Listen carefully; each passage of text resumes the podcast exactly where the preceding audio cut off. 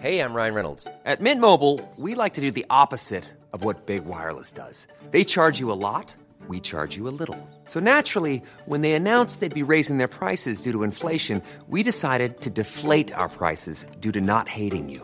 That's right. We're cutting the price of Mint Unlimited from $30 a month to just $15 a month. Give it a try at mintmobile.com slash switch. $45 upfront for three months plus taxes and fees. Promo rate for new customers for limited time. Unlimited more than 40 gigabytes per month. Slows. Full terms at mintmobile.com. Hold up. What was that? Boring. No flavor. That was as bad as those leftovers you ate all week. Kiki Palmer here, and it's time to say hello to something fresh and guilt-free. Hello Fresh. Jazz up dinner with pecan-crusted chicken or garlic butter shrimp scampi. Now that's music to my mouth. Hello Fresh. Let's get this dinner party started. Discover all the delicious possibilities at hellofresh.com. Life is full of what ifs. Some awesome, like what if AI could fold your laundry? And some, well, less awesome, like what if you have unexpected medical costs? United Healthcare can help get you covered with Health Protector Guard fixed indemnity insurance plans. They supplement your primary plan to help you manage out of pocket costs. No deductibles, no enrollment periods, and especially no more what ifs. Visit uh1.com to find the Health Protector Guard plan for you. Palmemordet Lösningen del 3 med Lars Borgnäs.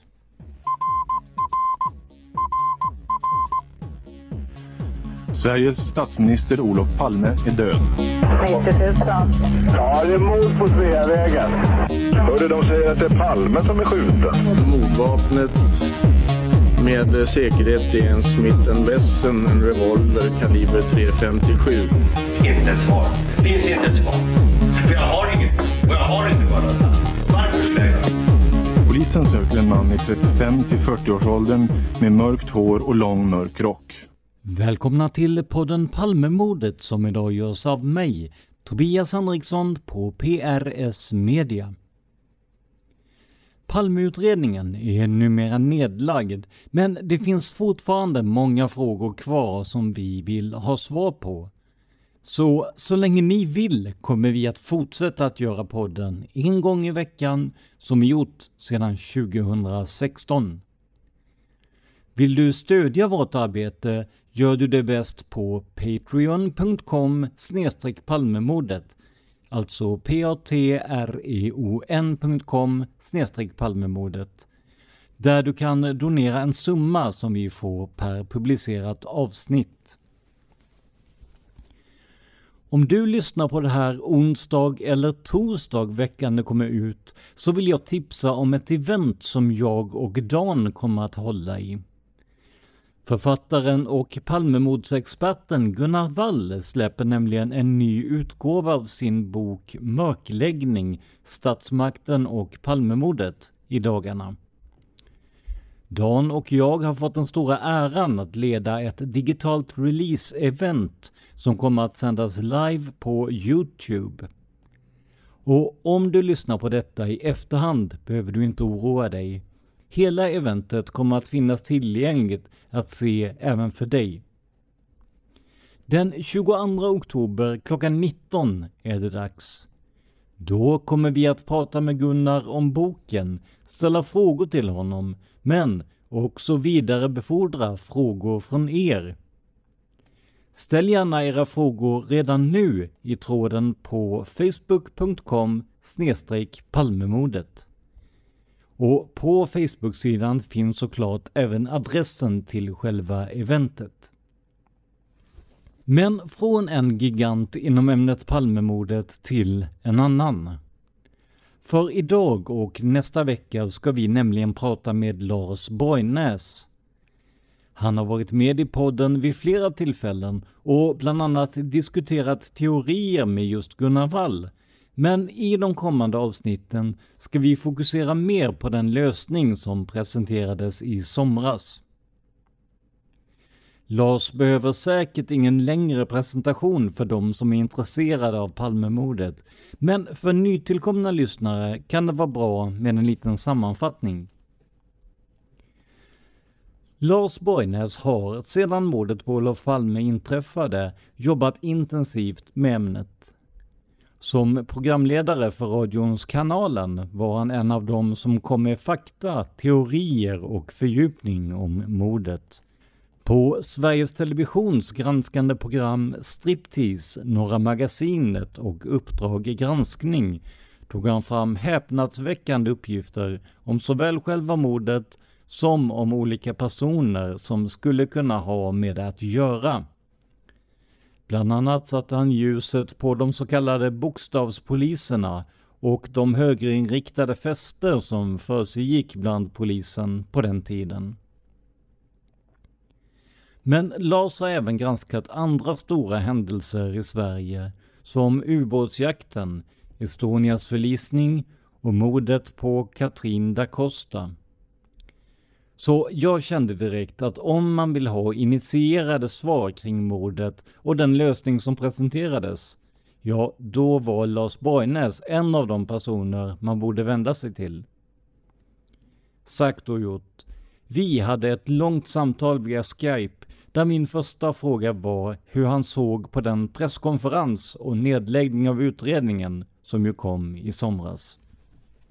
Presskonferensen ja. Ja, eh, för mig var det liksom för många andra en, en eh, väldigt stor besvikelse och överraskning att, att man kunde gå ut med ett så här svagt besked som, som man gjorde med, på så svaga grunder och, och dessutom peka ut en avliden person eh, utan att egentligen kunna styrka utpekandet på något eh, eh riktigt tillförlitligt sätt.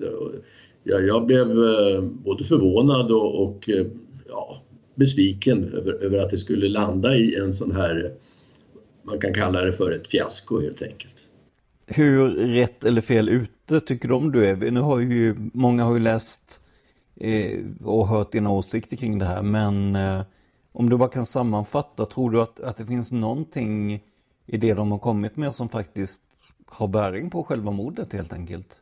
Nej, jag ser inte att de har lagt fram någonting som, som tyder på en inblandning från eh, Skandiamannen. Ska vi kalla honom Stig Engström eller ska vi bara säga Stig Skandiamannen? Ja, det, det, det, spelar just nu spelar det ingen roll längre. Vi har ju sagt eh, eh Skandiamannen innan, men nu är namnet ute i varenda eh, kvällstidning och allting så att det, det är vilket, vilket som du känner för helt enkelt. Nej, alltså eh, för att upprepa då. Jag, jag ser inte att de kunde lägga fram någonting som styrker att Stig Engström var inblandad i Palmemordet. Det betyder inte att det är omöjligt men de la inte fram någonting i form av bevisning. Eh, det är det ena, eh, att de, trots att de gjorde ett utpekande och förklarade honom som sannolikt inblandad i, i mordet så hade de ingenting reellt att stödja det på. Vilket naturligtvis är extremt obehagligt när det gäller en avliden person som eh, då inte kan försvara sig.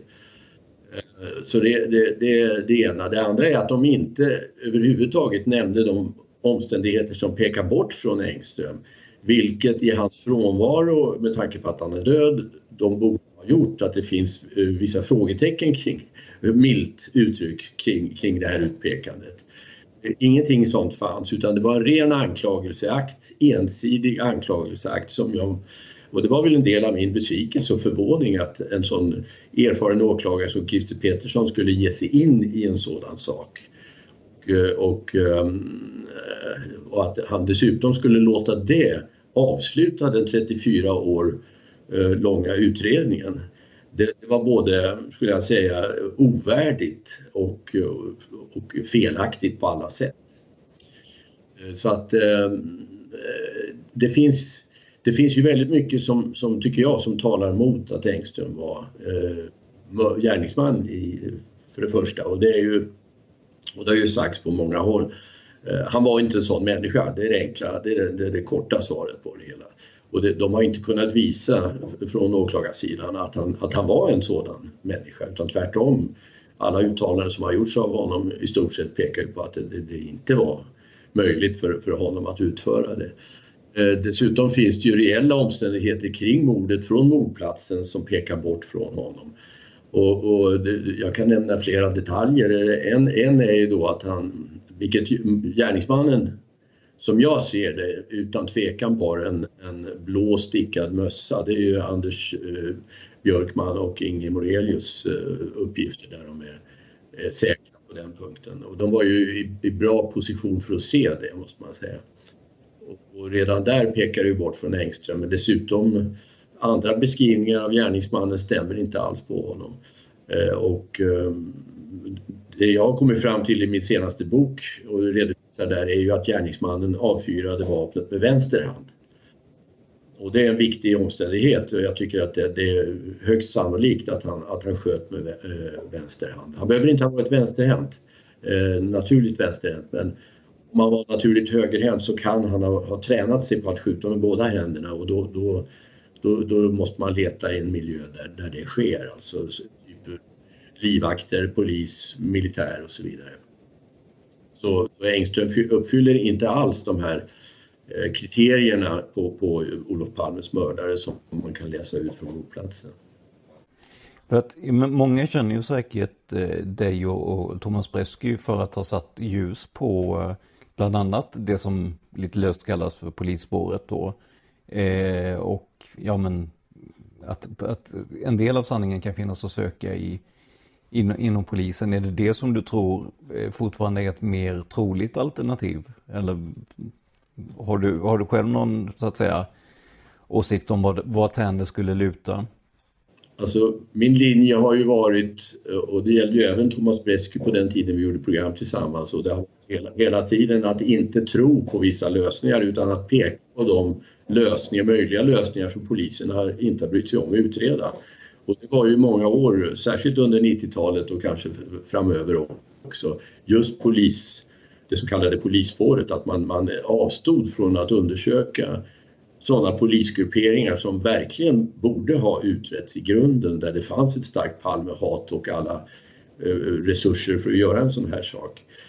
Eh, så, det ledde ju fram till att, att vi pekade på att polisspåret borde utredas bättre än vad det hade gjort. Eh, vad jag menar idag är väl att det finns mycket som talar för eh, att, eh, och det betyder inte att jag tror det ena eller andra, men mycket talar för att lösningen på mordet och det kan vara i själva verket förklaringen till Christer Peterssons agerande om man vill vara lite positiv. Det är att eh, Petersson har insett efter de här åren han har lett utredningen att han kommer inte åt gärningsmannen. Han kommer inte åt lösningen, hur han gör det är ingen mening med, med, med att eh, söka därför att lagens långa arm som han företräder i, i, i rollen som åklagare når inte de kretsar där gärningsmannen finns. Och det är då naturligtvis, jag menar sådana som eh, inom det militära eller inom Säpo, eh, militära underrättelsetjänsten eller möjligen det som har kallats för Stay Behind som ju är en del naturligtvis av det militära till sådana eh, kretsar som inte låter sig utredas helt enkelt. Och skyddas av begrepp som rikets säkerhet och sådant som slår undan alla försök från åklagare och polis att, att komma för nära. Det är möjligt menar jag att Petersson har förstått att han kommer inte in i de kretsarna, han kan inte lösa mordet. Sanningen kan ligga där och då är det meningslöst att fortsätta. Eh, är man positiv till den tanken och så, så, så, kan man ju säga att det är i så fall en nödsignal från Christer Petersson att jag kommer inte längre, nu ger jag upp. Lösningen ligger alltså utom räckhåll för mig. Och det borde alltså inte vara en slutpunkt för utredningen tycker jag. Det borde vara en, en, en startpunkt för en utredning med andra mandat, andra resurser och med en annan inriktning, nämligen att verkligen tränga in i de här dolda utrymmena i Sverige där, där det finns en god sannolikhet för att eh, lösningen på mordet finns. Men det kräver då naturligtvis initiativ från den politiska sidan att, eh, och, eh, och från polisens sida också att inrätta en kraftfullare utredning. Och det ser vi inga tecken på. Och det i sig väcker ju frågor. Är man verkligen intresserad från den politiska sidan och, och från eh, polisen att, att lösa det här mordet? Eller är man nöjda med situationen vi har idag, att man har pekat ut en, av allt att döma, måste jag säga, helt oskyldig person och låtit det stanna där. Det är naturligtvis då en, en oerhörd eh, rättsskandal till att börja med, men det är också någonting som Eh, berövar alltså landets skattebetalare någon som helst avkastning för den miljard, den miljard av skattepengar som har pumpats in i den här utredningen genom åren och sen har lett till noll och intet resultat. Men, men alltså vad, vad tror du är eh, varför går man ut och namnger en person överhuvudtaget? Varför säger man inte bara vi kommer inte längre, nu lägger vi ner utredningen, vi har nått vägs ände. Varför detta utpekande av, av Skandiamannen? Det känns ju, jag vet inte. För mig känns ju det som att be om bekymmer och det har också blivit bekymmer då med eh, anmälningar om, om eh, förtal av avliden och liknande. Varför går man ut och pekar ut Skandiamannen? Mm. Hade man haft reella bevis, påtagliga bevis, så kan man ju också peka ut en avliden naturligtvis. Eh, men så var det ju inte här. Eh, utan det var ju själva verket en domstol som satte sig den 10 juni och förkunnade en, en, en, en dom mot en avliden person som alltså inte hade chans att försvara sig. Varför gjorde Christer Petersson det? Eh, ja, det är en bra fråga måste jag säga men, men eh, om, om han är pressad till att göra det vi vet ju att Hans Melander gav ju intryck vid presskonferensen att inte vara bekväm riktigt med det här. Att han tyckte så, det är ju många som har tolkat det så, som om han... Det här stod inte högst upp på hans lista, vad han ville göra den där dagen. Eh, men han satt med och han godtog det, men han gjorde ju små markeringar av att det kanske fanns andra vägar att gå. Men, men det var ändå inte han som bestämde. Och då faller vi tillbaka till Christer Petersson. Vad får en erfaren åklagare som är respekterad, brett respekterad, att göra en sån sak som väcker så lite eh, tilltro som så här utpekandet gjorde och som eh, inte alls är någon lämplig slutpunkt för, för utredningen och tillräcklig slutpunkt. Vad är det som får honom att göra det? Men då kan man också gå tillbaka och fråga vad var det som fick Christer Petersson att i februari gå ut och säga att han skulle ge en lösning på mordet före sommaren, alltså om fyra månader, utan att ha något mer att ge. Vilket bara orsakade en, en gissningstävling, en enorm karusell av gissningar i media under hela våren i stort sett. Vad var det som fick honom att göra det? Vilket även andra åklagare och, och jurister förvånade sig över. Varför gjorde han detta? Jag har fortfarande inte fått någon förklaring. Och där kan jag bara peka på den märkliga omständigheten.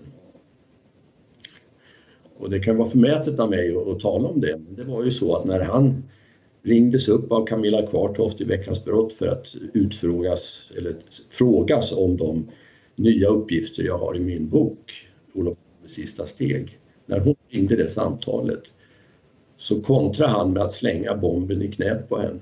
Ja, precis.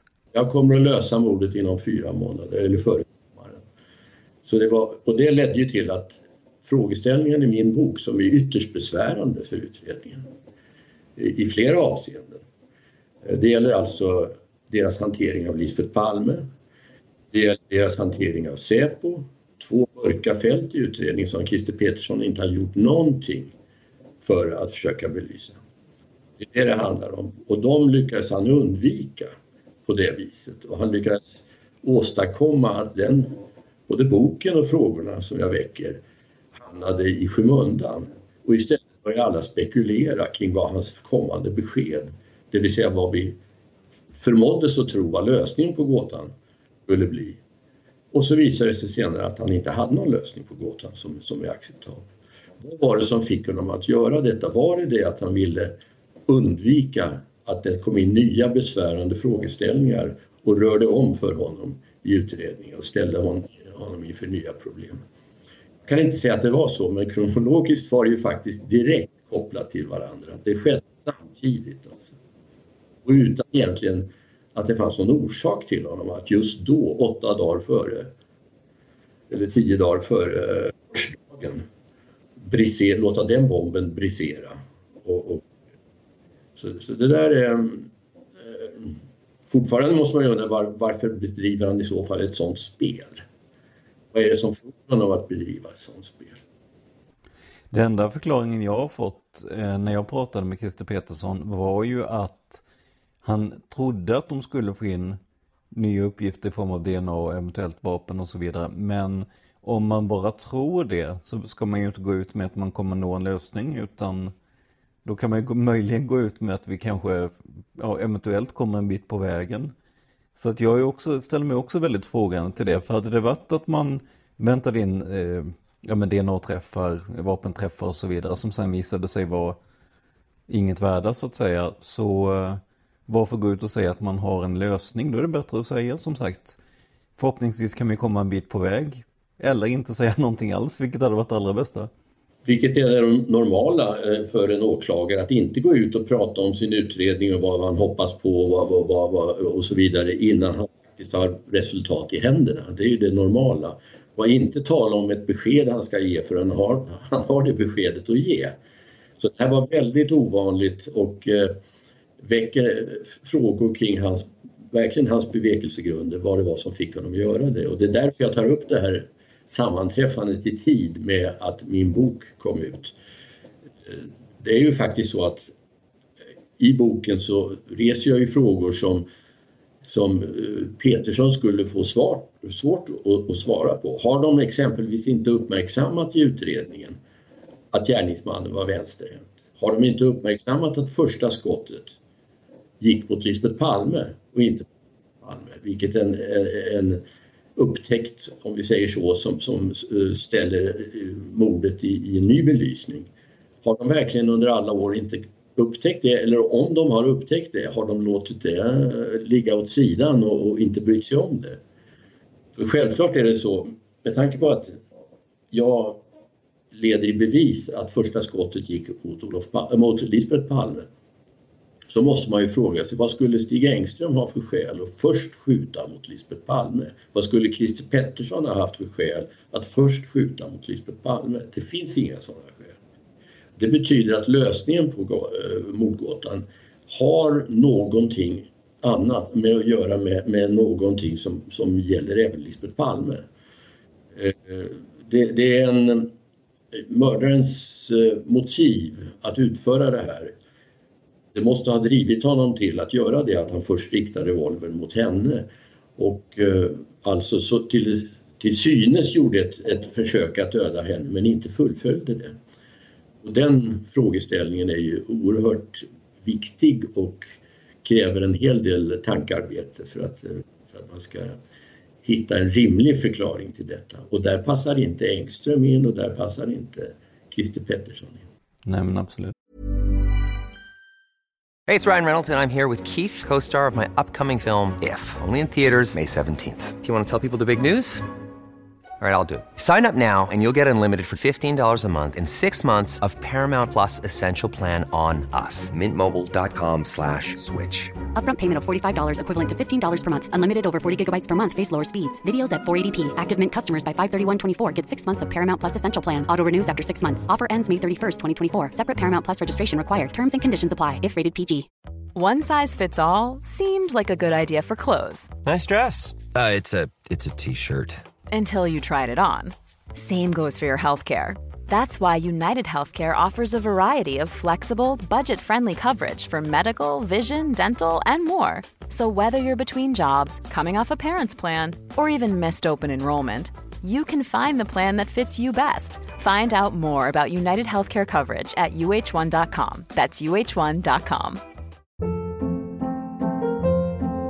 Hold up. What was that? Boring. No flavor. That was as bad as those leftovers you ate all week. Kiki Palmer here, and it's time to say hello to something fresh and guilt-free. Hello Fresh. Jazz up dinner with pecan-crusted chicken or garlic butter shrimp scampi. Now that's music to my mouth. Hello Fresh. Let's get this dinner party started. Discover all the delicious possibilities at hellofresh.com.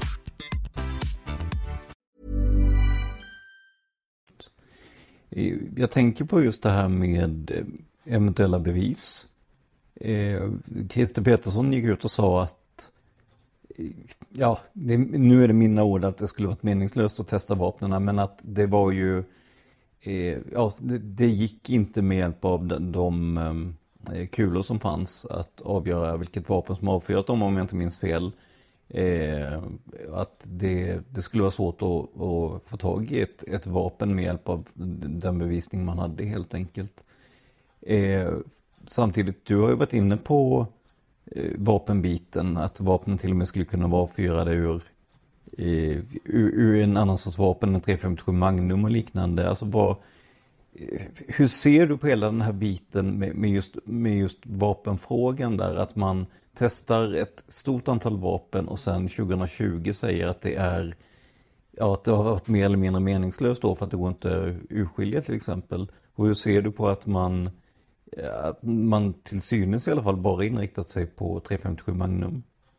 Ja, på den sista frågan så eh, kan jag säga att redan eh, 95, 1995 gjorde jag ju inslag i programmet Striptease om att att det för en eh, erfaren vapenperson eh, eh, var väldigt lätt att, att avfyra de här kulorna från en 38 vilket är en mera vanlig revolver, eller var, än, än en 357 och det där är ju känt även för palmutredarna som dock höll sig vid eh, att det måste ha varit en 357 och eh, Palmeutredningens dåvarande vapenexpert Sonny Björk sa ju till mig i en intervju som jag tror också ligger på Youtube att eh, men de som man misstänker kunde ju inte utföra sådana här manövrer, att eh, ladda om kulor och så vidare. Och peka på att Christer Pettersson var ju dömd för mordet så det var, eh, det var den typen av, av person man, man riktade in sig på. Eh, och, och detta var alltså efter det att Pettersson, Peder Christer Pettersson var fria. Så 38 special enligt alla experterna är, är en möjligt, möjligt vapen. Man har aldrig letat efter det. Och eh, det, det, är en begränsning som, som absolut inte har någon eh, giltighet så att säga, reell giltighet utan det är någonting man har bestämt sig för bara. Eh, och eh, vapenfrågan alltså har, har egentligen inte diskuterats så mycket ändå. Man har vetat att det var, kulorna var så pass skadade att det kunde bli svårt passa ihop dem med ett, ett, vapen som man hittade. Det beror också på hur skadad pipan var i det vapen man hittade. Så att det, det var ju flera faktorer. Så det, den osäkerheten har alltid funnits men å andra sidan kanske det kunde i bästa fall lyckas med ett någorlunda oskadat vapen att lyckas eh, binda kulorna till det. Det, det, det, har, det är väl det man har hoppats på men inte lyckats med. Men Eh, alltså, det som förvånar mig är ju att man nu säger att de undersökningar som gjorts av vapen innan har Ja, de har i stort sett inte gett någonting. Hur kunde det komma sig att det tar 35 år att komma fram till att, det, att man inte kan binda ett vapen till de kulor som finns? Jag, jag har inte riktigt, jag hänger inte med i det resonemanget som Christer Petersson ger där. För till mig sa han att i stort sett, i stort sett alla vapenundersökningar har ju, alltså varit, ja det har inte gett något klart resultat helt enkelt. Och det, hans, det här vapnet man hade nu sist ska ju ha visat en ja, plus minus noll helt enkelt. Alltså så, så, så obestämt det bara kan bli helt enkelt. Mm. Men det kan ju vara så, nu är inte jag själv någon vapenexpert, det kan ju vara så att precis som med, med DNA att eh, en kontroll mot ett vapen kan kanske inte binda kulorna till ett vapen men det kan visa att ett vapen inte kan komma i fråga. Att det är för stora skillnader. Och det betyder att det ändå är värdefullt att plocka fram vapen och titta på kulorna även om de båda är skadade. Att man trots allt kan se att det är omöjligt att ett visst vapen har varit inblandat. Eh, däremot så alltså att det är svårt eller kanske till och med omöjligt att eh, definitivt knyta kulorna till ett visst vapen. Så helt meningslös har ju inte den här jakten på vapen varit ändå för man har kunnat utesluta många vapen på det viset. Och det kan ju hända att det är det som man har hoppats nu in i det sista att, att eh, om ett vapen har flutit upp att man skulle ha som tur att det var i varje fall visat sig vara möjligt och eh, tillsammans med annan bevisning skulle kunna eh, användas i riktning mot någon misstänkt. Men man eh, valde ju att inte överhuvudtaget hänvisa till vapenfrågan här, någon teknisk bevisning. Det fanns ju egentligen ingenting kvar alls. Snarare är det så att det som, det som fanns kvar det är ju det som han Petersson då höll fast vid som ett mantra, nämligen att eh, eh mannen som sprang upp på åsen var Stig Engström, alltså var gärningsmannen Stig Engström eftersom de två var samma person. Och eh, Eh, det menar jag är en helt felaktig slutsats. Eh, men, men den har de hållit fast vid även om jag själv eh, vid samtal med utredarna tidigare har förstått att de har varit intresserade av frågan om gärningsmannen kan ha sprungit på Lundbackagatan och inte upp trapporna. Så den möjligheten har de varit intresserade av. Nu när det kom till att lägga fram den här teorin om Engström, då valde Petersson att vara, som det tycktes, bergsäker på att det var att gärningsmannen sprang upp för trapporna. Eh, och det behövde han givetvis vara därför att det enda som kan peka på Engström i vittneshänseende det är uh, Jeppsson och Nieminen. Mm, precis.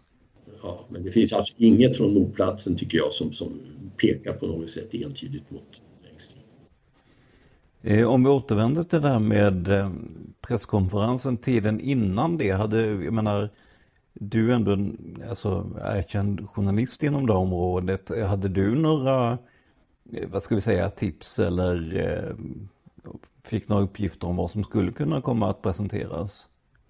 Ja visst, jag gick ut i, med en uppgift i mars eh, om att jag fått veta från en källa som eh, med insyn i utredningen att det var Sydafrika det handlade om. Precis. Att man skulle peka ut Sydafrika, den sydafrikanska apartheidregimen som, eller något, något organ där som ansvarigt och att det var sydafrikanska agenter som hade varit i Stockholm och utfört mordet att man eventuellt hade även ett erkännande och möjligen till och med någon form av teknisk bevisning, det var oklart. Men att det var det som låg eh, framför oss, att, att det, det, skulle ske. Eh, och då var det också så att det fanns en uppgift, eller det var bestämt att Stefan Löfven helt sonika skulle åka över till Sydafrika, åka ner till Sydafrika och träffa Cyril Ramaphosa där i något konferenssammanhang som verkade vara en, en ja naturligtvis kunde vara slumpen men, men det råkade vara på det viset och eh, Eh, det talade i varje fall inte emot att det kommande beskedet skulle vara just Sydafrika för då hade man naturligtvis behov av att stämma av det med den sydafrikanska nuvarande regeringen eh, eftersom man då skulle anklaga eh, dem, det landet alltså för att ha begått mordet.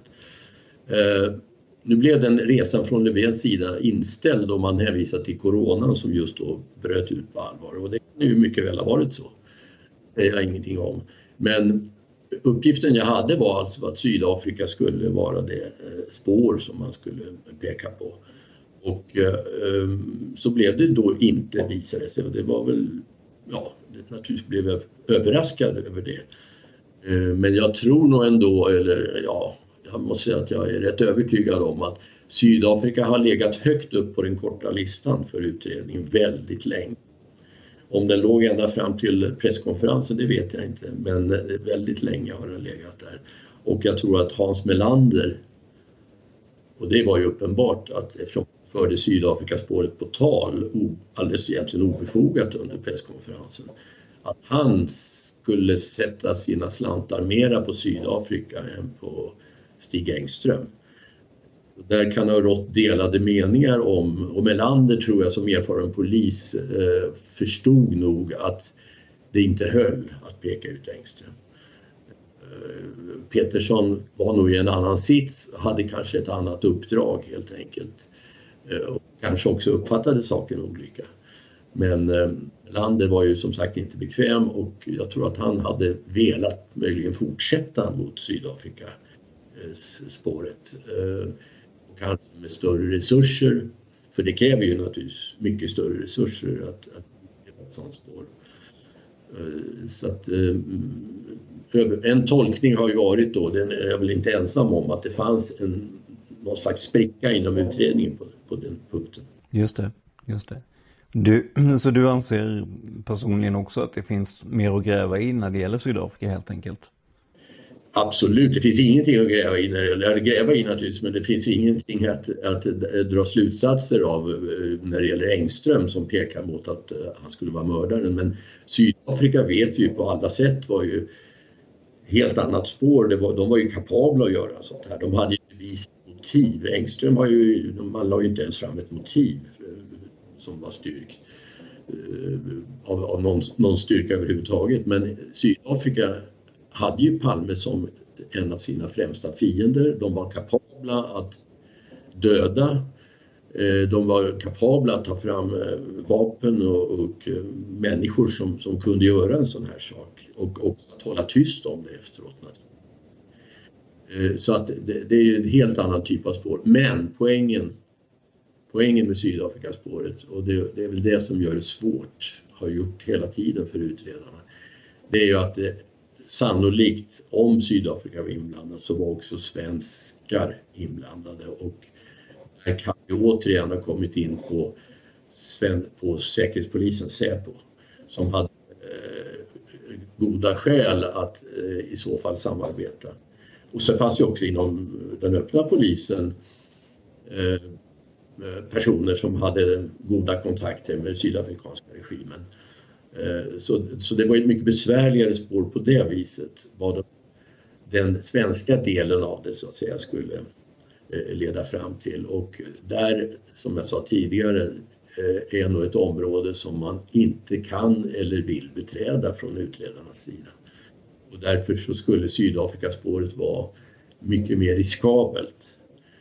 Man skulle inte bara kunna peka ut Sydafrika och säga att de åkte hit till Stockholm, sköt Palme och åkte iväg utan det skulle ha varit eh, väldigt eh, lätt att leda i bevis att de måste ha haft med sig, eller haft eh, svensk logistiskt åtminstone support och kanske mer än så.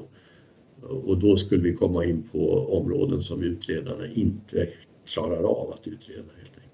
Och vi är ändå inne på sådana här områden som inte har utretts eller kan utredas. Vad skulle krävas för att man skulle kunna titta närmare på, som du säger då, eh, polisinblandning, Säpo och liknande. Alltså vad, vad, för, eh, vad för slags utredning eller beslut eller eh, genomlysning skulle krävas? Det skulle krävas en politisk vilja. Att, och den tycker jag skulle vara alldeles självklar att förvänta sig. Att Eh, exempelvis Socialdemokraterna vars partiordförande är mördad, att de inte skulle eh, sätta sig nöjda med den här slutpunkten med Engström, det är ju helt obegripligt. Måste jag säga. Helt obegripligt. Liksom det för övrigt är att, äh, obegripligt att familjen Palme kan slå sig till ro med lösningen Engström. Det är också väldigt svårt att förstå. Det som skulle krävas är att det fanns en riktig och reell vilja hos Socialdemokraterna, socialdemokratiska ledningen och alltså svenska regeringen att ge utredarna ett så kraftfullt mandat att man kan bryta igenom den sekretess som är det effektiva hindret nu. Och då, då talar vi om sekretess som motiveras med rikets säkerhet. Stämt, rikets säkerhet får ju alla åklagare och poliser att, att hålla sig borta naturligtvis du kan inte knappt ens ställa frågor om sådant som, som eh, betecknas som, som handlar om rikets säkerhet. Eh, och, och, de personer som du talar med på Säpo exempelvis eh, har ju ingen skyld, tycker sig inte ha någon skyldighet att, att, att ge sanna svar utan de kan alltså svara så som de anser vara lämpligt helt enkelt. Det, det finns alltså ingen möjlighet att utreda dem under ed eller sanningsförsäkran. Det skulle krävas dels att man får bryta igenom sekretessen, dels att man kan bryta igenom eh, och, och, ställa krav på att folk eh, verkligen talar sanning när de lämnar sina uppgifter. Eh, och eh, utan det så kommer man inte igenom det här låset som sitter på exempelvis Säpo eller också på militära sidan.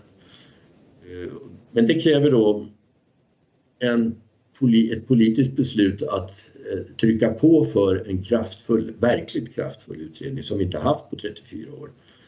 Eh, I de här försöken som har gjorts under alla år till höga kostnader att, att eh, lösa mordet har ju hela tiden fått stå utanför de rummen där vi nu ser att lösningen kan finnas och aldrig beretts tillfälle att gå in där. Det måste ske i så fall. Och egentligen är väl det så att säga lackmustestet på, på eh, den här eh, mordfrågan. Det är om den politiska ledningen är villig att låta utredare gå in i de områdena och, eller om man anser att eh, vi får nöja oss med det här och eh, det, det, får, det får bli så här och vi, vi kan inte tränga igenom de sekretessmurarna. Jag tycker det borde ske i, i svenska allmänhetens intresse. Eh, så att det, och det är kanske sista ordet inte sagt ännu för att det, det handlar ju ändå om att bilda opinion i så fall för en sån förstärkt utredning. Eh, eller kommission eller vad vi nu ska kalla det för som skulle med en helt annan kraft kunna gå in även i de dolda skrymslena. Där lämnar vi Lars Borgnäs för den här gången, men återkommer redan nästa vecka med flera frågor. Och förresten, vårt samtal blev så långt att era lyssnarfrågor inte hanns med. Men oroa er inte, de kommer i ett alldeles eget program längre fram i vinter. Vad tycker ni om Lars Borgnäs slutsatser och om dagens program? Kommentera gärna på facebook.com palmemordet. Där hittar ni också länken till det event som vi håller tillsammans med Gunnar Wall i slutet av oktober 2020. Det här var veckans avsnitt av podden Palmemordet som idag gjordes av mig, Tobias Henriksson på PRS Media. För mer information om mig och mina projekt besök facebook.com prsmedia.se eller gilla oss på Instagram där vi heter PRS Media. På senare tid har det varit lugnt med såväl avsnitt som andra aktiviteter från mig på de sidorna, men det kommer att bli bättre under hösten och vintern. Till exempel kommer det äntligen att komma ut nya avsnitt av min egna podd Tänk om. Stort tack till Lars Borgnäs för den här intervjun och stort tack till alla er som sponsrar oss på patreon.com palmemodet. Men framförallt, stort tack för att du lyssnar på podden Palmemordet. Man hittar Palmes mördare om man följer PKK-spåret till botten. Därför att ända sedan Julius Caesars tid har aldrig hört talas om ett mord på en framstående politiker som inte hade politiska skäl. Polisens och åklagarens teori var att han ensam hade skjutit Olof Palme.